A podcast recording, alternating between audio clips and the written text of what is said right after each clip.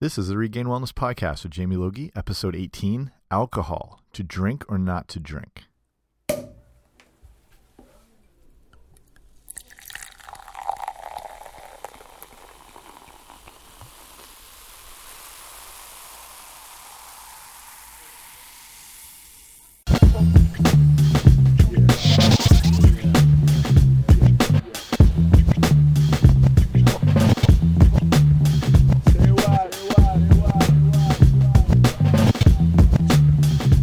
Guys, what's happening? Welcome back to the podcast. This is episode 18, and we're talking all about alcohol. And that was me popping bottles right off the start, or trying to. It's actually a stock sound I found online.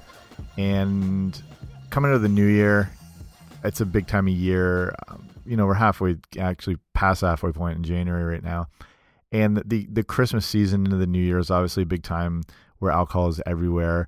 And this should be coming out on a Friday, which leads right into alcohol season again, aka the weekend, just the shorter season of it. So I thought it's a good topic to hit again today. I covered a lot of this in a blog recently, but just wanted to do an audio version of this all. And if you haven't already, make sure you swing by the website, regainedwellness.com. You can see everything I got going on there. And for people who aren't a part of the whole Regained Wellness thing and haven't uh, joined the newsletter yet, I encourage you to sign up for that. So First thing, if you head over to regainedwellness.com slash guide, that is a place where you can fill out the form to have your email submitted so you're kept up to date with everything that's going on. And even better, I send off my free ebook called the Healthy Eating Starter Kit. So it's a nice guide that's got a lot of information on things you want to include, things you want to avoid nutrition wise. It's got some recipes and it is free, straight up free. So can't be that. And today we're just talking alcohol if there's any benefits to it what are the best choices? Should we avoid it altogether? I think homer simpson said it best when he said to alcohol the cause of and solution to all of life's problems. But is it really a solution? Is it a cause of a lot? Let's have a look into it. What does the research say? Is some alcohol okay? None. So grab a glass of sparkling apple juice and let's have a look through here First off, looking at how alcohol is made, alcohol is technically ethanol, and it's made through the process of fermentation. And this is a process in which yeast breaks down sugar into alcohol and carbon dioxide. And yeasts are pretty interesting as they're also involved in the production of uh, bread and are a real living thing. Yeast is a single celled fungi that contains special enzymes that are responsible for this reaction. So, carbon dioxide bubbles out of this fermenting solution to the air and it leaves behind ethanol and water. It's key that there's not any air in this process, or those yeasts will produce what they call ethanoic acid, which is a chemical found in vinegar. And an alcohol beverage is considered something that contains between 3 to 40% alcohol. And if you're wondering about the history of alcohol and how long it's been around, we've actually been getting quite soused for thousands and thousands of years. So we're going back almost 10,000 years, or around the time Larry King graduated high school. There's been discoveries of late Stone Age jugs that suggest that there was intentionally fermented beverages and that they existed as early as the Neolithic period. So no evidence, though, if they were sending drunk tablet writings to each other and wishing they had deleted it earlier or the next day. There's uh again, like I said, ancient pottery jars. They're really good at preserving residue in them, and they kind of just hold traces of whatever the thing contained.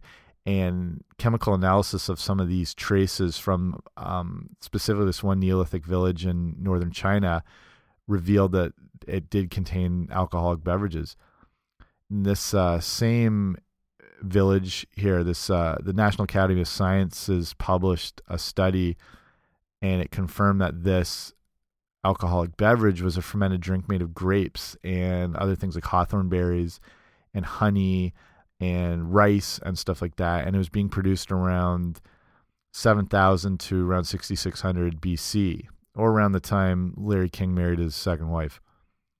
There are many indicators of ancient societies also consuming alcohol. So, I mean, it goes back to wine's kind of first appearance in 6000 BC in Georgia, alcoholic beverages being made reference to around 3100 BC in Egypt. Same thing in Babylon around 3000 BC, 2000 BC in pre-Hispanic Mexico. Um, there's even you know recipes from clay tablets and art from Mesopotamia showing people consuming beer with straws from large vats or pots. So you might call that the world's first keg stand. So how are the various alcohols produced? So the big three are not or not were not LeBron, Dwyane Wade, and Chris Bosh, but beer, wine, and spirits. And here's a quick rundown on each of how each of these are produced. Wine is made from fermented grapes, or it can be from other fruits. And grapes are interesting because the natural chemical balance in them lets them ferment without the addition of sugars or enzymes, acids, or water or other nutrients, things like that. Yeast again is involved and it consumes the sugars in the grapes and converts them into alcohol and carbon dioxide. And there's obviously different varieties of grapes and different varieties of yeast, and they produce different types of wine. So that's the simple explanation. But we all know there's quite a lot that goes into the production of wine, and there are many factors involved, including the climate, the type of soil, where they were harvested, what they're stored in, I've if you've listened before, I've done quite a lot of traveling, so I've seen a lot of the the vineyards around the world from Napa Valley. I've been to France and the Bordeaux regions. I've been into Tuscany and seen the Chianti regions, Australia. So I've seen a lot of the production and the growth of wine, and the varieties can be similar depending where they're grown, but so many factors can totally change a wine. So that's why some people are so more specific to areas that might have a cooler climate and they prefer the wines from there because they might produce more full-bodied or drier wines with higher tannin contents. Some you know, hotter climates can produce sweeter type wines, so some people prefer eh, Australian or South African wines, things like that. So there is a whole lot that goes into wine harvesting. And just a side note, we're talking about when they are stored and what they are stored into age. When you see the year on a bottle of wine, say like you say it's 2013, that's not the year that it was bottled. That's going to indicate the year that the grapes were picked and harvested. So just a little takeaway from here. So obviously wine has a very rich history in our human history and you know it's got religious connections, it's growth. It's been spread around the world. It comes in boxes. It's pretty amazing drink. So the next thing of the big three, so that's wine. We're looking at beer, similar just in how beer is made, similar to the production of wine. This case you're using, uh, you're using a grain now, and primarily barley. You basically to make beer, you're steeping the grain with water until it becomes uh, like a mash which has released the sugars in the grain. This is now called wort, and it's moved to larger tanks where it's boiled with hops. And hops are kind of small, like flour, yeah, if you will, flour type things that give the beer an aroma and a, a bitterness to offset the potential sweetness that's in it. So, some of you that might be beer drinkers, you like a hoppier beer um, or IPAs, that just means it's a little more a little more bitter. It's got a little more bite to it. This uh, this wort is cooled, and then the yeast is added in again, where it's and this is how I've heard a, a brewer describe it. The yeast gobbles up the sugar and vomits out alcohol and carbon dioxide. So technically, it's true, but it's a good way to describe it. The beer is then moved to conditioning tanks where it can be stored for a while to help smooth out the flavor and that's done before it's filtered. They can be force carbonated, bottled, and then sent to your local frat house for the best night ever. Like wine, there is obviously a lot more that goes into beer, and it again has a long and rich history. And there's a lot of um, some you know some of the earliest writings of humanity revolve around beer and beer production. Um, and there's the idea that we have bread today because it was a byproduct of ancient beer production, which is an interesting theory. So with beers, you have things like lagers, ales, stouts, porters, wheat beers, whatnot. And again, it's I've worked in a lot of restaurants and pubs, and I've worked in old old pubs in London, England, and you get the you know the questions all the time. What's the difference between all these things? So to break it down as far as the difference between, say, ales and lagers, which is the common um, question that comes up, the quick definition is having to do with the yeasts. So all these different things fall into the category of beer. The difference with a lager is it uses a bottom fermenting yeast. So this gives it kind of an increased carbonation, gives it a crisper, cleaner taste. And ale uses a top fermenting yeast. So that creates a little bit of a uh, of a softer, smoother type drink that's a bit sweeter and they have a little more uh, almost toffee caramel type flavors and notes to it. So that's just the way to look at the two differences. And if you've ever traveled to the UK, and people always seem to wonder why drinks are served warmer over there, room temperature, and especially with ales, um, like hand pump ales or cask conditioned ales. And the idea is that if beverages like these are served too chilled, it mutes the flavors, and these are more present at warmer temperatures. So if you've ever ever wondered why that is, so spirits of the the last one of the big three here are also known as distilled beverages or liquor or hard liquor or whatever you want to call it. By definition, a spirit needs to contain no added sugar and have an alcohol content of at least 20%. Kind of like Charlie Sheen, basically, if you think of it. The process in creating a spirit is distilling a mixture produced from alcoholic fermentation, such as wine. So, brandy would be the best example of this. So, the process basically really purifies it and remo removes compounds like water, which would dilute it more. So, the ver like examples of spirits are brandy, rum, vodka, gin, tequila, whiskey. If you've ever, here's a little quick whiskey lesson. If a whiskey comes from Scotland, that's Scotch. If it's it can't be called Scotch if it comes for from anywhere else. So you can't have a Scotch from Alberta, Canada, or from somewhere in Italy. Those are all just whiskeys. And the difference as well is the spelling of whiskey. So the Scots will spell it whiskey with no E, so W H I S K Y but Ireland, the U.S., other places, they'll add an E in to the whiskey. So if you're looking for a difference, that's usually the way to tell. It's it's kind of the same thing like with champagne. I think most people wear now. It can't be champagne unless it comes from the Champagne region in France, which is an actual region. It's essentially just sparkling wine, but that's what makes it champagne is it comes from the name the name of the same place. So if it comes from anywhere else, if it's a sparkling wine from, again, like Italy or Australia, it can't be called champagne. It's just a sparkling wine.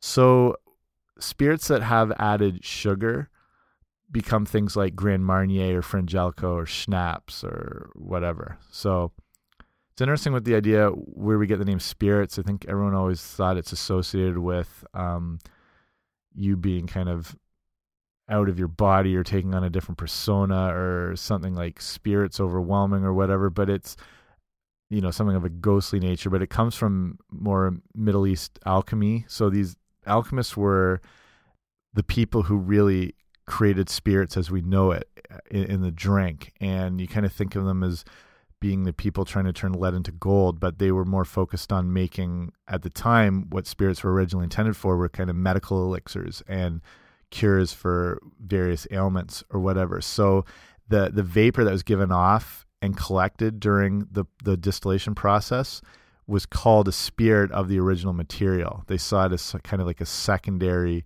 source, but it's that vapor that comes off through distillation which makes the spirit that you are then going to consume, whether it's tequila or gin or whatever. And they just saw this as kind of a, a second version of an original material. So that's where the word spirit comes from.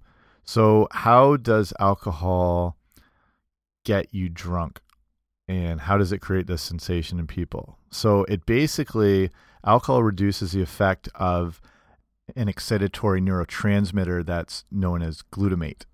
And glutamate is what really helps your brain kind of keep up to speed with things and it helps to maintain alertness It's crucial in memory making, things like that. Basically, when alcohol shows up, it numbs the glutamate and then it affects the controls that the glutamate is usually in charge of. So instead of you know glutamate allowing your brain to speed up and whatever, it slows it down. Instead of maintaining alertness, it does the opposite. The memory making goes right out the window, and then you don't remember what happened. Or yeah, we don't have to get into all that. So this also can create a sense of euphoria, but also uh, as we know, the effects of drunkenness, it can subdue coordination, results in slurred speech, um, the removal of your pants in public areas, whatever, whatever tends to happen. I'm not speaking about myself here. This is this is friends I'm talking about here. Um, so what happens the next day? So after potential walks of shame, that's when the hangover can show up. And how is a hangover caused in the body? What's happened now is the alcohol has dehydrated you, and it's a world class dehydrator. But it also causes low blood sugar along with vitamin B12 deficiency. So during the whole process, your body of drinking, your body really has to kind of work overtime to metabolize all that alcohol through all the crantinis you were drinking, and it leaves behind what is called acetaldehyde toxins. So when you combine all those things together, the dehydration, the low blood sugar, the vitamin B12 deficiency, these new toxins, you're left with what is called veisalgia, aka the hangover. So what are the health effects besides the next day feeling like you've been drop kicked by a full grown African elephant and you can't find your shoes and you're walking around in bright daylight sun wearing sunglasses, not fooling anybody, standing out like a sore thumb. What are the actual effects that can happen besides how the brain is affected? So, the National Institute of Alcohol Abuse and Alcoholism shares that the effects of drinking a lot can lead to heart damage, including cardiomyopathy, which is the stretching and the drooping of the heart muscle, um, irregular heartbeats, stroke, high blood pressure there's damages to the liver, obviously, um, like steatosis or fatty liver, alcoholic hepatitis, fibrosis, cirrhosis. There's damage to the pancreas. There's potential for certain cancers, especially of the mouth, the esophagus, the throat, the liver. Uh, it also has the ability to weaken the immune system. It, it can be rough, definitely. So, are there any health benefits, though? There are some health benefits when it comes to alcohol, and it mostly is going to center around red wine. And people are a little more familiar with that, the idea that red wine can provide health benefits. And it's been around for quite a while. And there's also been the idea for decades of something that they call the French paradox, which is the people of France consumed a diet that was very high in saturated fats, but they were reportedly there weren't high rates of death from coronary heart disease, and they attributed a lot of that to red wine. But what is it in red wine that is, has the ability to protect cells against real damage that's caused by aging and is able to promote health a little? Well, there's a compound besides antioxidants there's something called resveratrol, which is found in red wine that activates a body response that's usually used to relieve stress. And it has also been seen to reduce the risk of heart disease, promote longer lifespans, and can help in the fight of some cancers. This resveratrol, eh, like antioxidants and polyphenols, is found in the skins and the seeds of dark grapes there's studies from the Scripps Research Institute that recently found that the resveratrol in red wine was really actually able to create positive effects in the body and can aid in lifespan and increasing lifespan and your overall health. A lot of people like the first idea of the health benefits from wine usually revolve around antioxidants. And yeah, red wine definitely does contain antioxidants, but it's not like it's the only source of antioxidants you get antioxidants from obviously fresh vegetables and fruits, but you can find it a lot in nuts and seeds and in spices and herbs like things like oregano and sage and cloves and nutmeg and antioxidants exist and stuff like that. So to use the excuse of drinking red wine as the only way to get it is usually not super valid, though it does contain some antioxidants. Like I said before, the antioxidants and resveratrol, those compounds are found in the skins of dark grapes. And red wine is red and it's dark color because it's left in contact with the skins for quite a while. So some white wines are actually made with very dark grapes, but the skins are removed from the whole process, so you're left with a clearer, um, lighter white colored wine. And obviously, in the case of reds, it spends a lot of time in contact with these skins, and that contact in that fermentation process is what develops that antioxidant content and that resveratrol content as well. So, if you're looking for the types of wine that are the best sources of these compounds, the top choices are things like Malbecs. That's a variety wine. You, uh, there's really good ones from Argentina primarily. Pinot Noir is noted as one of the best for high content. And Pinot Noirs from any country, any region, they tend to always score very high in antioxidant and resveratrol um, content as well.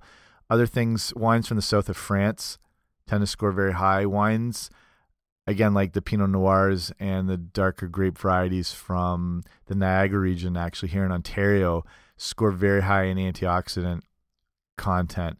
So those are some of your best bets there. These are the type wines that are the what they call if you're not a wine drinker, they call it full bodied and that high concentration of the time spent with the the skins of the grapes give it that that mouthfeel, that dryness which if you do drink red wine, you understand what I'm saying, and it gives it that feel almost in the cheeks, where it is very dry, very full bodied, but that it almost sometimes makes yeah like your your cheeks or your lips have to pucker a bit. That is that super high tannin content, and that's the stuff that contains all those beneficial compounds. So that's what you're looking for if you're going for a red wine, for the health benefits, obviously the most important thing here on any studies that have to do with alcohol and their benefits, and primarily red wine, because this seems to be the go to for any health aspect of in the whole alcohol kingdom. The key thing that comes up every single time is that idea of moderation. And if there is no moderation, none of these effects are going to occur. You're going to basically outdo them with all the negative aspects that come from too much alcohol and all those bad conditions. So the idea is that you either drink moderately or not at all.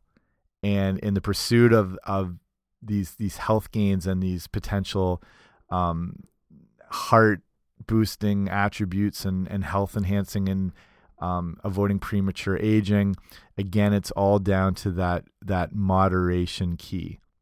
You don't want to be trying to solve one problem, you know, and then create a whole other problem in the meantime because alcohol is very serious in how it can affect your body and the conditions it can create.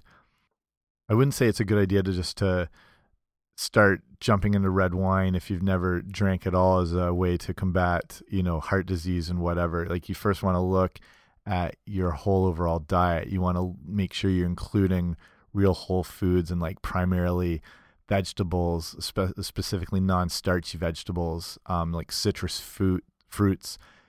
If you do proteins like real, you know, grass-fed, non-hormone, non-antibiotic treated proteins, things like healthy fats like avocados and coconut oils and olive oils and things like nuts and seeds.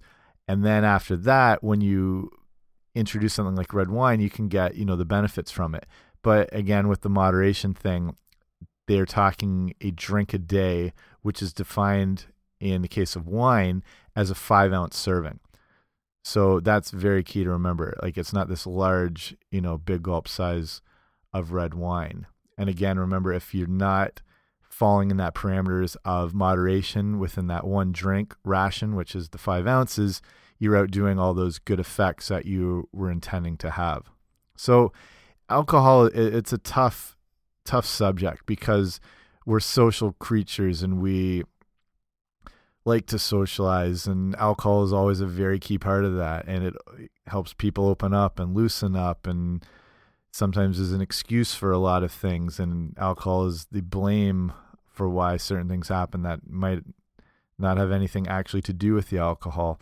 The other problem is that in bar settings and house parties or whatever, you, it already creates such a havoc on the body, but then tends to be mixed if you're drinking spirits or liquors. They tend to be mixed with other high sugar mixes, which can lead to just even more problems and things like that. And here's another good tip try to avoid um, drinks that are mixed with diet any form of diet colas or diet whatever. Avoid diet drinks altogether. Listen back to the aspartame episode, which I'll link in the show notes today, which is regainedwellness.com slash slash zero one eight. And when you drink an alcohol that has no sugar in it, like if you drink it normally with like say a Coke or a Sprite or whatever, the sugar helps slow the absorption down a little bit. There, there's still all the problems that come from sugar. When you drink alcohol with a diet soda, there's basically you're basically just drinking a flavored alcohol, which is absorbed super fast because there's no sugar to you know sl like slow down or change the absorption pattern of the alcohol. Sorry, pattern of the alcohol. So essentially, you're just taking straight shots of alcohol, and people wonder why they get drunk so quick when they're you know drinking vodka diet cokes all night because you're basically taking straight shots of um, alcohol. If you're gonna mix drinks, your best bet are things like if you can find really fresh, you know, thing like actual cranberry juices, not like cranberry drinks or cranberry cocktails. Um, things like pineapple juice, grapefruit juice. At least then you're getting some um, change in the absorption of the alcohol, along with some vitamins and minerals and stuff like that. So I do understand the whole scenario. I mean, I've I've loved craft beer because you know, like I said, I worked in old old pubs in England, so I know you know the whole cask conditioning and the centuries old techniques that go into it. And if you're gonna if you're gonna drink beer, beer is very tough because you're basically drinking liquid bread that is a you know creates these fast acting carbs and insulin spikes in the body and stuff like that. At least if you can go with a real like a craft brew beer, like a microbrewery, you know you're drinking something that's generally cleaner ingredients. To be real, to be beer, you you basically have four ingredients. You have barley, water, hops, and yeast, and that's all there is to it. If you're drinking things like Bud Lights and Miller Lights, stuff like that. They're so full of additives. They're so full of, you know, even things like they can contain corn syrups. They're they're basically like a soft drink version of a beer. So try to stick with something that is natural, has fewer ingredients, and you and craft brews really pride themselves on using clean sourced ingredients. So you know you're getting something that um, is not as processed and manufactured. It, it, comes from natural supplies, cleaner supplies, and fewer ingredients. So personally, I really don't drink much. I just I don't like drinking my calories. I'd rather get them from food sources. If I do, I do enjoy red wines or the odd craft beer, things like that. Red wine, you know, obviously from all the information, the studies is going to be your best choice to have as a beverage if you're in you know social situations parties whatever because you're going to be getting some health benefits from it which are are quite clear but remember the whole idea that moderation is going to be very key during nights out whatever make sure to keep hydrated as you go to help avoid that uh, inevitable hangover that's going to come but to keep yourself hydrated through the whole process so it does minimize the the impact alcohol can have on your body as far as the uh, drunkenness conditions. So you're really helping yourself out for the next day like that. And probably the other big takeaway is make sure you stay away from the karaoke machine because that can only lend itself to um, horrific Facebook videos the next day of yourself, which you can't defend later. So that's it for me today. This uh, this is a topic you could talk about for hours and hours, but just wanted to give you with a few, leave you with a few takeaways. Um, alcohol can have a place in a healthy diet, and in the case of red wine, as we looked at, can provide some actual health benefits. And remembering moderation is is very key to maintaining those benefits. Going overboard loses them all and creates a whole host of other problems. So thank you very much for listening wherever you are right now. You could be driving, biking, in the gym, wherever. I appreciate you spending the time with me. And there, I've said before, there's a ton of podcasts out there. So the fact that you're listening right now is really awesome. It means a lot.